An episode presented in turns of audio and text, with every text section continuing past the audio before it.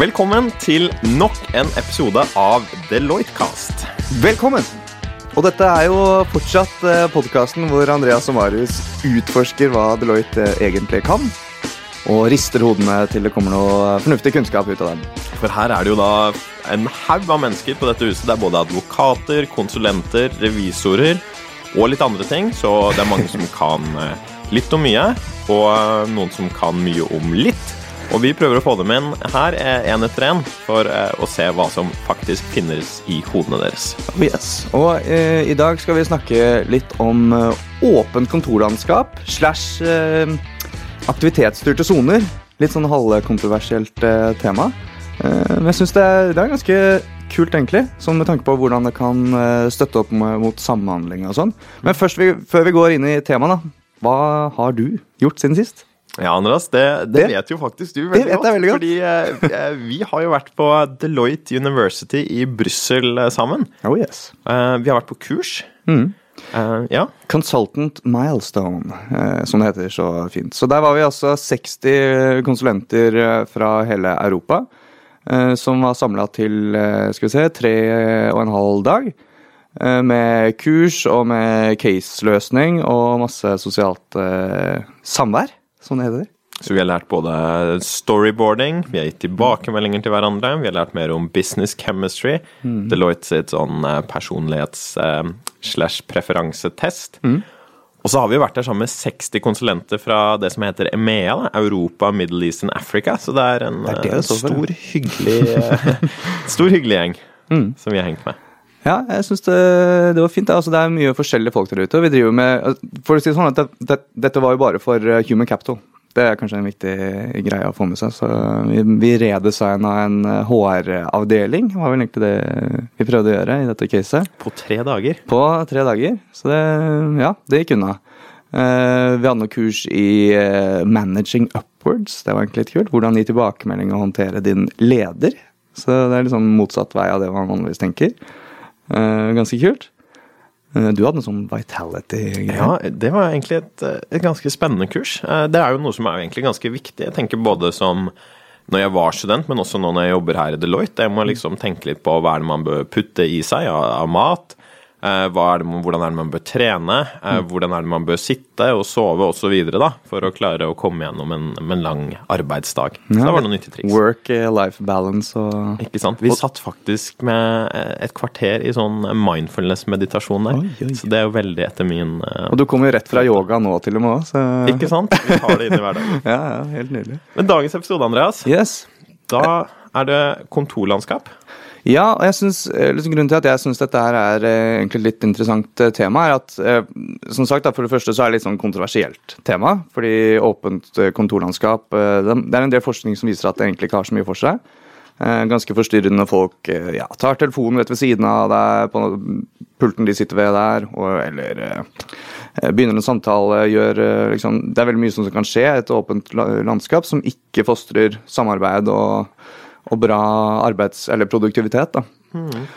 Og så har det kommet en slags sånn løsning med, med free seating og, og aktivitetsstyrte soner. Egentlig litt sånn som man kjenner det fra, fra, studier, kanskje. Sånn bibliotek vi hadde i hvert fall på BI, hvor det var altså, stillesoner og medium arbeidssoner og, og liksom åpent. da. Mm. Og Det er egentlig det vi har her på huset. Så vi tenkte å, å eh, Eller vi, vi har intervjuet uh, vår daglige leder, uh, Åse som eh, jo står for den strategiske biten bak dette, her, hvorfor de valgte å gjøre det. Og så og Hanne Solheim, som var prosjektleder for, for flytteprosessen, som vi hadde for tre år siden.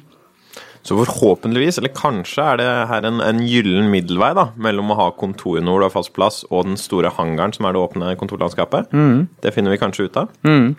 For det er jo noe med at, eh, Og det som jeg syns var litt interessant, når vi snakket med dem, at, eh, at, det er den strategiske viktigheten. Én ting er liksom, ja, du har kontorer, og du kan ha fine stoler og bord og bla, bla, bla, men altså, hva betyr dette egentlig for samhandling? da?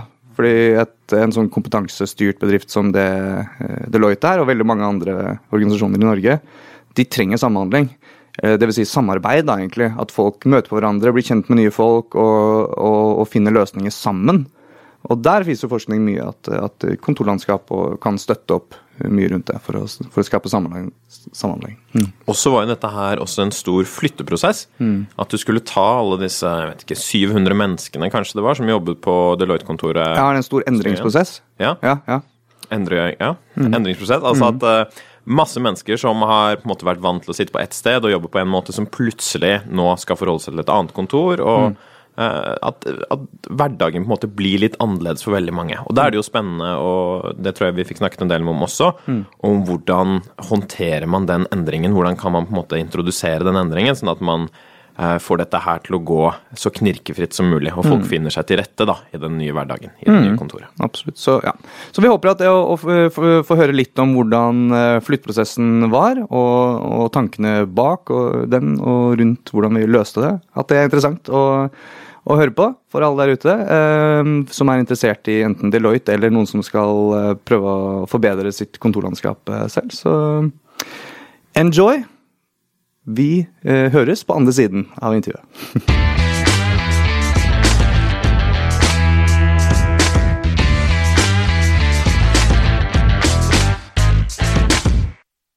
Da sitter vi her med Åse og Hanne. Velkommen begge to. Tusen takk. Eh, liten intro. Jeg gjorde litt research eh, på deg, Åse. Og eh, jeg klarte nesten ikke å tro det som eh, jeg så. Okay. Du har jobbet i Deloitte i 36 år. Ja. Det er helt sant. Det er, eh, det er meget, meget imponerende. Eh, så da er det ikke rart at du har blitt eh, daglig leder, kanskje? Nei, ikke sant? Ja, Man bare blir det automatisk. Da blir man det automatisk. Det har du vært de siste fem årene, og kom, som, eh, kom fra stillingen som leder av revisjonsavdelingen uh, i Deloitte. Mm. Uh, Hanne, du har vært der i fire, nei, fem år? Litt over fire år, ja. Litt over fire. Mm. Studert på NHH, vært i Singapore og Paris gjennom studiene. Ans eller er ansvarlig for samfunnsansvar i Deloitte. Det stemmer. Og var prosjektleder for flyt- flytteprosessen fra Skøyen og hit til Bjørvika. Ja. Veldig kult.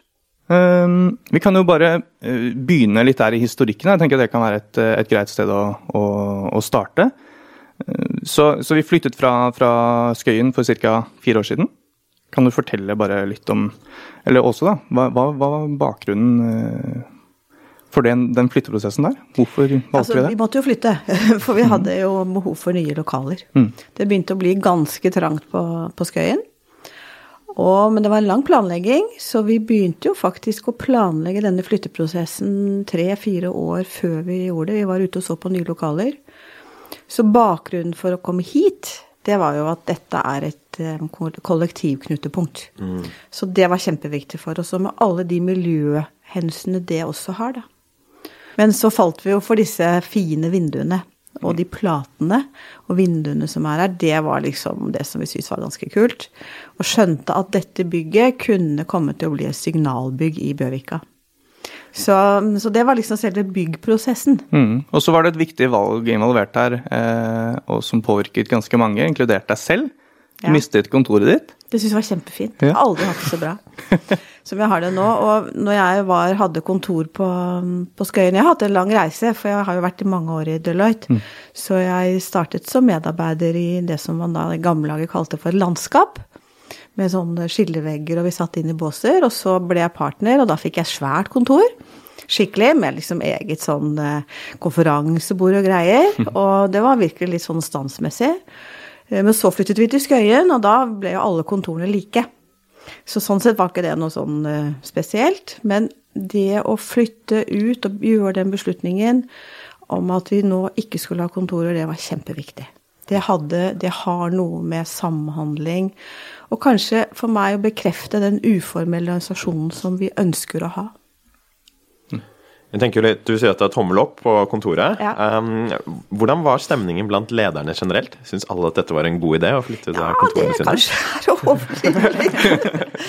Det tror jeg også Hanne opplevde litt. Nei, det var det ikke. Det var ikke noe sånn, og jeg tror veldig mange var ganske skeptiske. Um, Det å kjenne på at man har et sånt område som er sitt, at man liksom kan sette opp bilder av barna, og jeg hadde jo bilde av barna mine, ikke sant, sånn som alle hadde, og ikke ha det der liksom faste stedet å gå til, det kjentes ganske skummelt, tror jeg, for mange. Så det var en lang reise med å få dette Få liksom forankret eh, prosessen. Og den var delvis forankret før vi flyttet, men eh, den har jo blitt underveis, da. Du opplevde mye av dette, Hanne? Det var en stor endringsreise for mange medarbeidere. Vi var jo 700 stykker som skulle flytte på oss, og vi kom fra ganske ulike løsninger.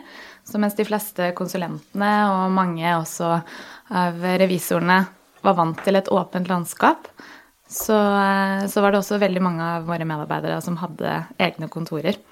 Og det var jo også en, en, tid hvor det var mye mer papirer enn vi har nå. For vi brukte jo også eh, tid på å gå over til mer papirløs revisjon og bli mer papirløse. I, som del av, en del av reisen vår ned til, til Bjørvika. Så, så, det er klart at det var, det var stor endring for, for mange, det. Jeg husker eh, bl.a. Eh, frykten i øynene til noen som skulle miste printeren på skrivebordet sitt. Ja, wow. skrivebord, ja. ja, vi hadde det en stund, ikke sant? Ja, ja. Så det var, nei, og jeg hadde et stort, stort bord, og der hadde jeg jo masse papirer, og jeg hadde akkurat en sånn liten plass hvor jeg kunne ha det jeg holdt på å skrive på. Ikke sant? Bare sånn litt i ruten på der på pulten, og så var det sånne svære hauger. Men jeg visste jo alltid hvor jeg hadde ting. Men da den overgangen å tenke på at nå skal jeg ikke ha disse trygge haugene med papirer fra tidligere år og to år tilbake og tre år tilbake og sånn, det var ganske skummelt. Og så var det jo da så enkelt at når vi skulle flytte Jeg vet ikke hvor mange tonn papir vi kvittet oss med. Var det 50 tonn? Det var mange tonn. det var bare, altså, jeg kunne makulere alt. Det var bare å makulere. Har ikke savnet etterpå. Vi delte ut noen triks på veien. Vi sa bl.a. at snu opp ned på de permene som du bruker. Eller de bøkene som du bruker i løpet av det siste året, halve året før flytting. For det kunne da være med å gi et bilde av hva av de tingene jeg har rundt meg på kontoret, er det jeg faktisk bruker i hverdagen. Mm. Så Og da finner man ut at det er egentlig ikke så mye av det man, man trenger, men det er trygt å ha, på en måte? Ja. ja. Det er. Det er det, det, er det det går på. Mm. Trygt å ha. Alt ligger jo elektronisk. Det er jo ikke noe som ikke er elektronisk i dag. Når det gjelder altså, åpent kontorlandskap. Det er jo det man typisk snakker om da, i den, den, sammenhengen her. Og så er det et litt sånn kontroversielt tema, for det er mye forskning som viser at uh, åpent kontorlandskap faktisk reduserer produktiviteten. Da. Og så er det masse som eh, bekrefter det motsatte. Ja, men hva er det som ligger bak, hva er det som ligger bak denne, disse resultatene her? Hva, hvorfor tror dere det blir sånn? Jeg tror det er, altså Et kontorlandskap, det er eh, ikke det vi har. Vi har aktivitetsstyrt kontor. Mm. Det er hele forskjellen. For et kontorlandskap for meg så er det nærmest en sånn hangar, mm. hvor folk sitter på løpende bånd og kanskje noen sånne vegger rundt seg, og taster på noen PC-er og holder på med noen saker og ting. Vi har ikke det. Vi har et aktivitetsstyrt kontor. Mm. Hva betyr det? Ja, Det betyr jo at du har arbeidssoner. Jeg oppfatter at hvis vi teller etter, så har vi ni forskjellige arbeidssoner mm. hvor det kan jobbes. Noen steder kan vi prate, noen steder skal vi være helt, helt stille. Andre steder sitter vi litt hyggelig sammen rundt et bord. Noen kan sitte i en lenestol, vi kan sitte i en samhandlingssofa. Vi kan sitte og jobbe i kaffebaren. Så det er på en måte, Derfor så er det det der med landskap det, jeg, Vi har ikke landskap i, mine, mm. i mitt hode, da. Mm. Mm. Hva, er det, at, hva var det som gjorde at man gikk for det? Hvis valget var på en måte mellom kontorer eller en hangar eller aktivitetsbaserte soner. Eh, hva er det som gjør at akkurat dette er en bra idé? Jeg kom inn som prosjektleder for, eh, for flytteprosjektet vårt ca. et år før flytting. Og på det tidspunktet så begynte jo veldig mye å handle om hvordan skal vi ta dette bygget i bruk. Eh, og vi hadde jo en strategi på det tidspunktet i Deloitte som kan veldig kort oppsummeres med AS One. Og det handler jo da om å jobbe bedre sammen på tvers. Og vi hadde, for å måte trekke strategien med inn i, i flytteprosjektet og dette nye bygget, og se mulighetene for det nye Deloitte-huset tett knyttet til strategien, så hadde vi en, en visjon for bygget, som var å skape en ny standard for samhandling. Da fikk vi jo på et tidspunkt eh, veldig behov for å konkretisere hva betyr det? Hva betyr en ny standard for samhandling for revisoren, for advokaten, for konsulenten? Hva betyr det for oss som skal jobbe i bygget? Eh, og, og vi var på en presentasjon eh, i Sverige, faktisk, hvor vi fikk presentert dette konseptet med aktivitetsstyrt kontor. Med disse ulike sonene som gir valgmuligheter, og som er tilpasset ulike former for arbeid. Og tenkte at dette, det passer for oss. Det tror vi kan være med å understøtte de målene som vi, som vi har, da. Mm. Jeg tror Hanna, at det, det, vi gjorde som var viktig for oss, det var faktisk å formulere den visjonen. Mm. For den drev ganske mange beslutninger. Mm. Det var å sette en ny standard for samhandling. Og så hadde vi noen underpunkter også, at vi skulle også være litt nøkterne. Mm. i det vi investerte i. Men akkurat det at vi laget den visjonen, tror jeg var kjempeviktig, for den kunne vi hele tiden sjekka mot. Og da ble det ganske naturlig å bruke et aktivitetsstyrt kontor. Og ikke liksom disse hangarene som jeg ser for meg når man snakker om landskap, da. For da sitter man jo bare fast der. Mens den bevegelsen som vi har fått i bygget, at man sitter forskjellige steder og opplever at mange utnytter de mulighetene som er her. Du ser at folk sitter i, i kaffebaren og jobber og samhandler og kanskje har en kaffe og spiser noe og sitter med PC-en. Eller man sitter i en sofa eller en lenestol med PC-en på fanget. Eller på prosjektbordene. Er jo, de er jo kjempemye brukt. Eller at man ønsker å sette, sitte rolig og kanskje skal konsentrere seg om å skrive noe, lese noe, og setter seg inn i den stille delen som skal være helt stille. Mm. Det gir jo mye valgmuligheter og fleksibilitet. Mm. Det, det, er jo ting som vi er opptatt av. Ja. Så, så det, men det handler jo også om å Det er mange muligheter, så det handler også om å ta de mulighetene i bruk, tenker jeg. Mm. Så vi er jo forskjellige som personer, og noen uh, har lett for å trekke mot en viss type sone fordi det, de opplever at det passer seg ganske godt. Uh, og noen uh, kan trekke mot en annen sone hvor det er mer, mer, aktivitet og mer bevegelse og mer, mm. og mer kall det støy, da. Og vi har jo sett at flere av de sonene som vi har her på Deloitte-huset i dag, de er jo inspirert av ønsker som kom fra, fra medarbeidere. Vi gikk jo inn og så mm. på hvordan jobber vi. Og, og, har prøvd å skape da soner ut, ut, fra de behovene vi har i arbeidshverdagen. Mm. Og ut fra, hva, ut fra, innspill som kom Jeg husker en, en partner kom og, og, sa at han, han syntes han jobbet så godt på flyplassloungene. så han, han, lurte på om vi kunne skape en liten sånn flyplasslounge da, i, i Deloitte-huset. Så da tenkte vi hm, det, det, det, må vi jo få til. Kan vi lage noen sånn lenestolaktige soner som Du kan godt sitte og snakke med andre, men du kan også liksom Mm. Sitte der og, og ja. Trekke seg tilbake og jobbe der i stedet også. Mm. mm. Og så var det noen, det var noen andre triks som, eh, som dere gjorde, bl.a. Eh, knyttet til søppelbøttene. Litt sånn eh, ja. det, det, er klart at det er store og små endringer i en flytteprosess. Så. Jeg syns det var litt morsomt. og fra å ha søppelkasser spredt rundt ved de fleste, fleste, i hvert fall på alle kontorer, og også mange steder i, i de landskapene som vi hadde der vi kom fra, så, så har vi nå søppelkasser på, på ett sted da, i, i, i bygget. Så det er klart at det kom en del eh, reaksjoner på det de første dagene. Men hvor, hvorfor? Altså, det er jo en grunn bak det. Ja, hvor skal jeg gjøre dette bananskallet mitt, og ja. må jeg gå nå kanskje 20 meter med dette bananskallet? Mm. Um, så det er klart at uh, hvordan skal jeg få gjort jobben min effektivt? Mm med å, med å, bevege på meg. Men uh, vi tenkte jo at uh, bevegelse, det tror vi er veldig bra for oss. det gikk ganske fort over. altså Det var vel noen kommentarer med en gang, og så gikk det ganske fort over. Så man vente seg til at det mm. der var helt greit. Ja. Og så er det vel noe med de tilfeldige møtene man, man ja, har. Ja, det tenker jeg er eh, kjempeviktig. Også. Jeg registrerer i hvert fall i min verden at jeg snakker med og møter mange, mange flere nå enn jeg gjorde på Skøyen. Mm. I uformelle settinger. Og hvor det er lett å slå av en prat og hilse, og du treffer mange flere. Mm. Det har en kjempeverdi for meg, i hvert fall. Mm. Det gjelder jo også det samme. ikke sant? Jeg nevnte så vidt disse printerne i sted. Nå har vi også eh, ett sted per etasje ja. hvor det er eh, printere. Det handler jo om at vi bruker printere i mindre grad kanskje enn vi gjorde tidligere. Mm. Eh, men det er jo også noe med at du, du kommer deg opp da, og du beveger litt mm. på deg i løpet av dagen trenger ikke å ha alt til stede akkurat nei, der du sitter nei, nei. til enhver tid. Men jeg vil jo anbefale alle som eh, skal flytte inn i nye lokaler, å ha en frysperiode.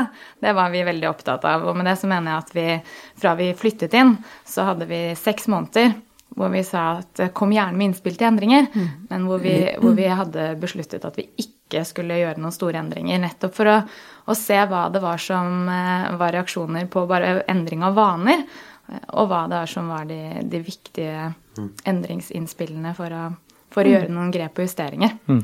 Så, du hadde jo nevnt ett sånn triks i den Det er jo en endringsprosess der. Og, og, det er en strategisk endringsprosess, ja, egentlig, hvor man ønsker å gå til samhandling, først og mm. fremst. Samarbeid for å ja, få til bedre løsninger. Være, eh, få til kreative løsninger sammen. Absolutt.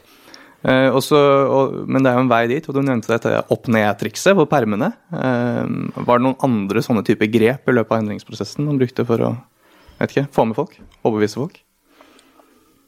Ja, var det det? Vi, eh, vi kjørte jo et endringskallet program. Vi var opptatt av å forberede alle medarbeidere på flyttingen og på det å skulle jobbe på en litt annen måte. Så vi, eh, vi, passet jo på å være til stede på avdelingsmøter, og at alle, at alle, skulle få mulighet til å bli litt kjent med dette aktivitetsstyrte kontoret før vi flyttet. Og kunne sette det litt inn i kalenderen sin, annet. Jeg husker vi brukte noen sånne Outlook-kalendere. Tok utgangspunkt i en eh, typisk advokatuke, f.eks. Og så plasserte vi de ulike aktivitetene litt inn i ulike soner som da en i, i advokatselskapet da hadde gjort litt ut fra hvordan ville jeg brukt disse sonene i min eh, hverdag.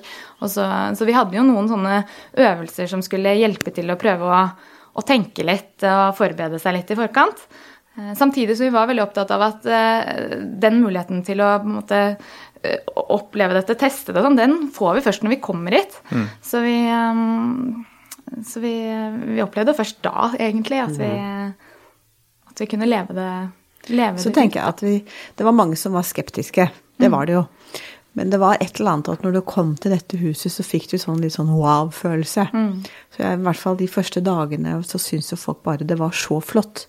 Og det har jo noe med hele bygget å gjøre, hvordan det er interiøret, er mm. vinduene, liksom. Så det var jo noe som gjorde at du også ble ganske positiv. Mm til det, eh, føler jeg, i hvert fall eh, hvis jeg husker tilbake.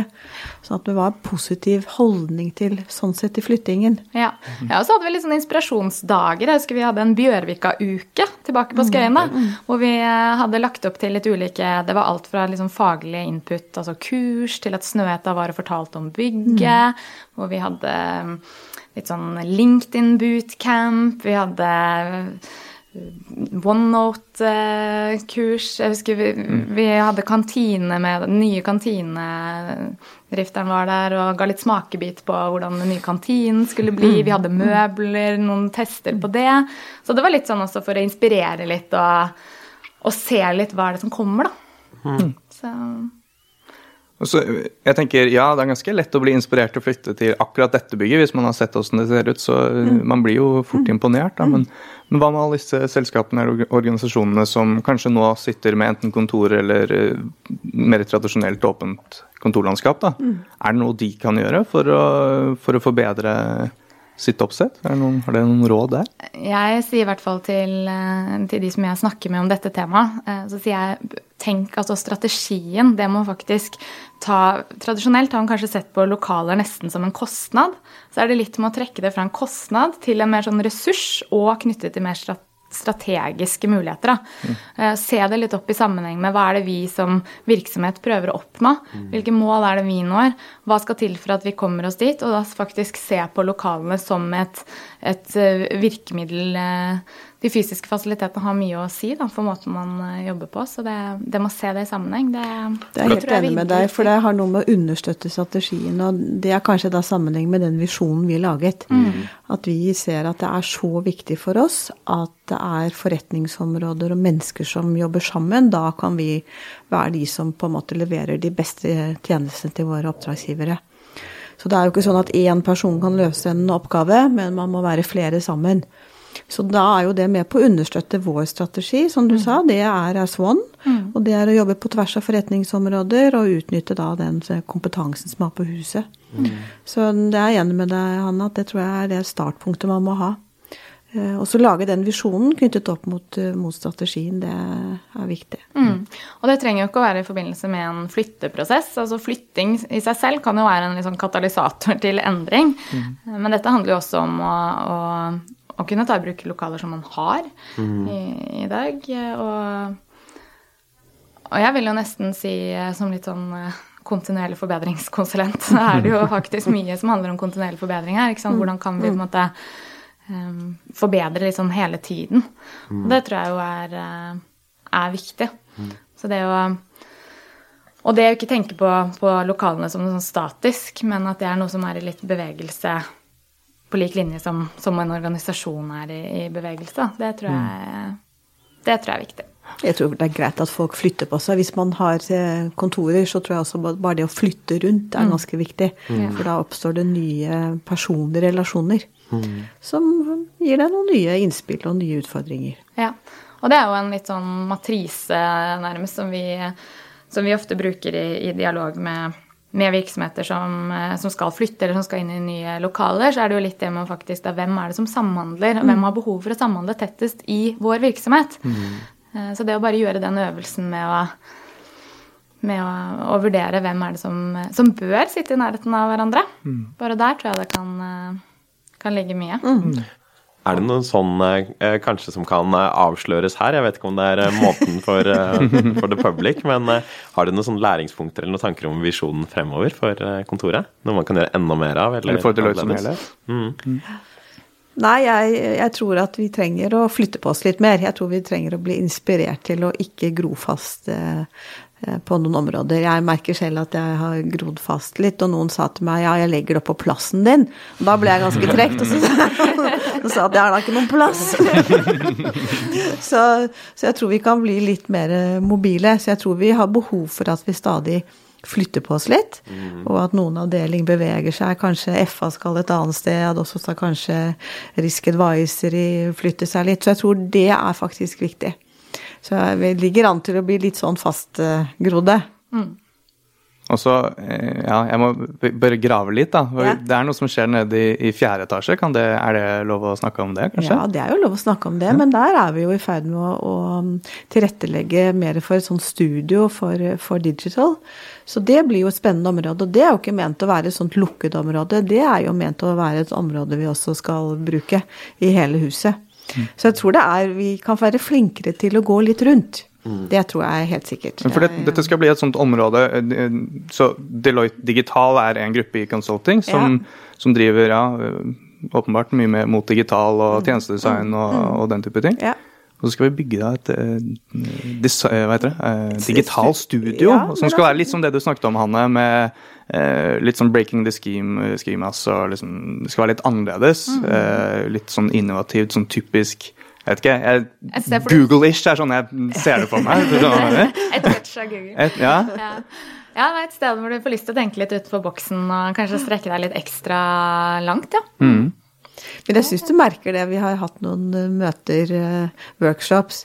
Det skal ikke så mye til før man løser opp litt. Mm. Ikke sant? Altså det er hvordan du innreder et rom. Mm. Så, så, bare det å ha noen puffer og noen høyestoler og, og liksom oppsettet kan faktisk bidra til at man får litt mer kreativitet. Og det opplever jeg at man har tatt i bruk i Deloitte. Altså disse mm. greenhouse som man har. Det er jo alt fra ganske tekniske uh, high-tech-rom, men også helt enkle ting hvor det bare egentlig er at man har satt opp rommet litt annerledes. Mm. Med litt puter og litt sånn løser opp, og da skjer det noe med folk. Mm. Det så det er noen sånne utviklingstrender. Det var faktisk noe Marius og jeg lagde her for, uh, rett før sommeren. Vi ja. satte på Greenhouse her, i ja. Nordlys. da. Ikke sant? Så, så, så der, altså Nordlys er jo et veldig kult uh, rom, for det er, det er, jo det største kall forelesnings- eller plenumsrommet vi, vi, har. Men det er jo egentlig bare en clean slate. Man kan gjøre hva som helst. Uh, høyt under taket. Og der er man jo litt sånn, Det er 15 etasje, det er utsikt over mm. hele byen. Mm. Vi fikk jo søren meg inn en drone inn i det rommet der. og fløy. det er litt sånn the sky's the limit. I noen settinger så har du litt lyst til å skape den, eh, skape den egentlig følelsen i, i rommet. og og jeg ble jo veldig inspirert av hvordan dere hadde tenkt rundt, eh, rundt det. Og når Åse og jeg hadde noen sosiale entreprenører mm. på besøk her for en ukes tid siden, så, så, hadde vi jo prøvd å gjenskape det mm. litt. Og der er det Det, det skaper noe annet. Ja. Men det er egentlig litt interessant, det rommet, for det Auditoriet er det jo, ikke sant? Mm. Nordlys er jo egentlig det. Men da var vi ute og så mange steder, og da hadde Men, men med frittstående stoler, da? Ikke, ikke sant? Det, Men det var det som var poenget. At ja. liksom går du andre steder, så er det mange som lager sånn auditorium som er sånn hvor man sitter i en eh, mer sånn fra, Sitter høyt og så nedover mot mm. et senter. Men da skjønte vi at det blir jo Da liksom låser du bruken av det rommet. Så det å passe på at det var flatt, og at man kan innrede det da etter, etter, behov, det var kjempeviktig. Og derfor har vi disse store skjermene eh, på veggen litt høyt oppe. Mm. Nettopp for at man alle skal kunne se, men uten at du har den der graderingen mot et senter mm. nede på gulvet. Så det var en ganske viktig beslutning, faktisk. For der mm. kunne vi ha sittet låst med et rom hvor du ikke kunne gjort dette i det hele tatt. Fleksibilitet igjen kan være et ja. Eh, stikkord. så Der kan man sitte i grupper, eller det kan være kinooppsett, eller nærmest sånn skole ja. Eh, hvis man skal, skal, ha mulighet til å skrive mye. Så det, det med å ha den fleksibiliteten, det tror jeg mm. Det er noe som gjennomsyrer eh, dette bygget i veldig høy grad. da. Jeg synes Vi fikk et sånn stjerneeksempel på det og her. Det var vel et halvt års tid kanskje etter innflytting. så så, så, kjøpte vi opp et, eh, et, annet rådgivningsselskap. Det var vel ca. 30 ansatte. Og de flyttet jo svopp inn i disse lokalene våre. Det var ikke behov for å kjøpe en eneste ny stol eller nytt mm. bord. Eller liksom, da er vi midt inne i kjernen av fleksibilitet, da. Hvor, altså, da vi flyttet her du sa 700, men jeg tror vi var 625 eller noe sånt. Nå er vi 770, tror jeg. Og vi merker ikke egentlig det. Det er noen dager, eh, kanskje nå rett før jul, kanskje det blir mm. litt fullt, men jeg tror det skal være stoler til alle. Men det er ganske fleksibelt. Får håpe. ja, ha på to stoler til per pers. ja. Fordi du har det i alle møterommene. Men det, det sier jo noe om fleksibiliteten. Mm. Jeg hører jo at det med fastgroddhet, da, det er det vi ikke ja, ønsker. Og det virker som at det er litt med at uh, vi som mennesker er litt vanedyr her. Ja. Og så setter det seg noe på et eller annet tidspunkt. Og at vi da har et kontor som gjør at vi bare kan riste litt i folk nesten. da. Om det er på konferanserommene eller folk sitter eller noe sånt. At det er litt av nøkkelen. Mm. Um, jeg tenkte sånn eh, litt på avslutningsvis uh, å spørre litt om dere personlig her, da. Når dere går inn på kontoret om morgenen og, og sitter her, er det, vil dere si én ting som dere syns på en måte er det beste med kontoret vårt? Og hvis dere vil også, kanskje én ting som eh, dere savner bitte, bitte litt fra Skøyen? Hvis det er noe sånt. Det beste syns jeg at det er så ryddig. Det syns jeg faktisk. At du kommer inn på morgenen. Jeg kommer av og til jeg kommer ganske tidlig normalt, eller i hvert fall før åtte. Og det at det er ryddig, og, og liksom stolene står ordentlig, at du tenker at dette, du starter litt sånn frisk, da. Det syns jeg faktisk er kjempedeilig. Så det er jo viktig at de, det har jeg tenkt at det er viktig at de passer på fremover. At man ikke begynner å sette fra seg ting eller glemmer å rydde osv. Men det at det er liksom, virker da rent og innbydende, det, det liker jeg. Altså Hvis jeg skulle savne noe Ja, det måtte jo kanskje være om jeg kunne hatt det der bildet av barna mine. men, men, jeg har de på Snap. så da kan jeg heller snappe med dem om morgenen, og så sier vi hei, har du det bra i dag? Så det går egentlig like bra da. Jeg tror jeg må si valgmulighetene. Mm. Det, det, er en sånn følelse av at, eh, at, nå kan jeg velge. Og det, mm. det, er, det er bra for meg. Mm. Har du noen nostalgier? Ikke så mange nostalgier tilbake til Skøyen for min eh, del, altså. Jeg jobbet jo der bare litt over et år. Mm. Og, eh, og da var det jo veldig tydelig at vi snart skulle flytte. Så, så det Nei, det Du var allerede litt på plass i Bjørvika egentlig da du begynte mentalt? Ja. Sånn bare helt avslutningsvis, da. Eh, kanskje spesielt til deg også, siden du, du, har vært med i gamet jeg vil tippe lengst av alle på huset her. Jeg har i hvert fall ikke hørt om noen andre. Men, Nei, så, det kan være. ikke jeg vet om noen andre, men Ok, Greit. Men uh, hvis man skal se litt framover, da, og man skal gi noen tips til, til de som er på vei inn eller allerede er uh, akkurat begynt i arbeidslivet, hva, det, hva blir viktig framover? Hva er det man skal virkelig fokusere på hvis man skal mestre arbeidslivet i årene som kommer? Jeg kan jo snakke ut fra det som vi har her, så tenker jeg at det er å engasjere seg og være interessert. Eh, kommer man ny inn her, nyutdannet, eh, hos oss, da, som jeg kan snakke mest om, så setter vi utrolig pris på den kompetansen man har. Man har jo den ferskeste og nyeste kompetansen. Så det å ikke være redd for å ta initiativ og engasjere seg, og mene noe og Av og til kan man mene noe om ting som vi syns er helt i orden her, men som da kan være gode innspill. Så det å tørre noe, det, det tenker jeg er kjempeviktig. Mm. Jeg har lyst til å supplere med en ting. Jeg, jeg leste en, eh, en, artikkel i går om det digitale klasseskillet. Mm. Vi har lett for å tenke på unge mennesker som veldig digitale. Eh, men det med faktisk å, å, å pushe seg selv litt til å, til å ja, være, være, digital og, og at det blir Jeg tror det er også veldig viktig. Leve litt opp til det ryktet av å være digital innfødt, ja, som det heter. Faktisk. Mm. Det er, ja. Og så er jeg opptatt av en annen ting. Altså er, vi skal, unge mennesker skal ha en lang arbeidskarriere. Det haster ikke så mye. Man kan ta seg litt tid. Og så er man god nok i seg selv. Sånn at man ikke blir så stressa. Man er god nok. Og for en herlig avslutning på, på en veldig ålreit, hyggelig episode. Eh, noe du vil si sånn avslutningsvis, Marius? Jeg syns det høres fint ut. da. Man spiller litt Pokémon GO, så kan man ta det litt med ro også. nemlig. nemlig. Så, ja. Skjer det at du hva- Spiller du litt Pokémon Go? Du vet hva, jeg har det. Ja, du har det. Du sitter og, og tar den eh, veldig. Det pokestoppet som er akkurat her på bygget, tror jeg. Jeg måtte bare finne ut hva det var, så jeg er ikke så veldig avansert, men jeg har laget en sånn avatar. Ja, men Bra. Eh, Vi har jo fått hørt litt om, eh, om kontoret vårt nå, da. Og eh, det jeg tar med meg, i hvert fall, er at jeg kanskje skal bevege meg enda litt mer. Og kanskje også dytte litt på kollegaene mine og spørre om de vil gå et annet sted og, og sånn. Og være flink til å Uh, kaste søppel og gå til kaffemaskinen eh, så mye som mulig, på sånn jeg får snakket med de som er på veien rundt. Ja. Kjempebra. Men uh, ja, takk for at dere kom. Veldig hyggelig å pra- prate med dere. Mm. Og vi snakkes.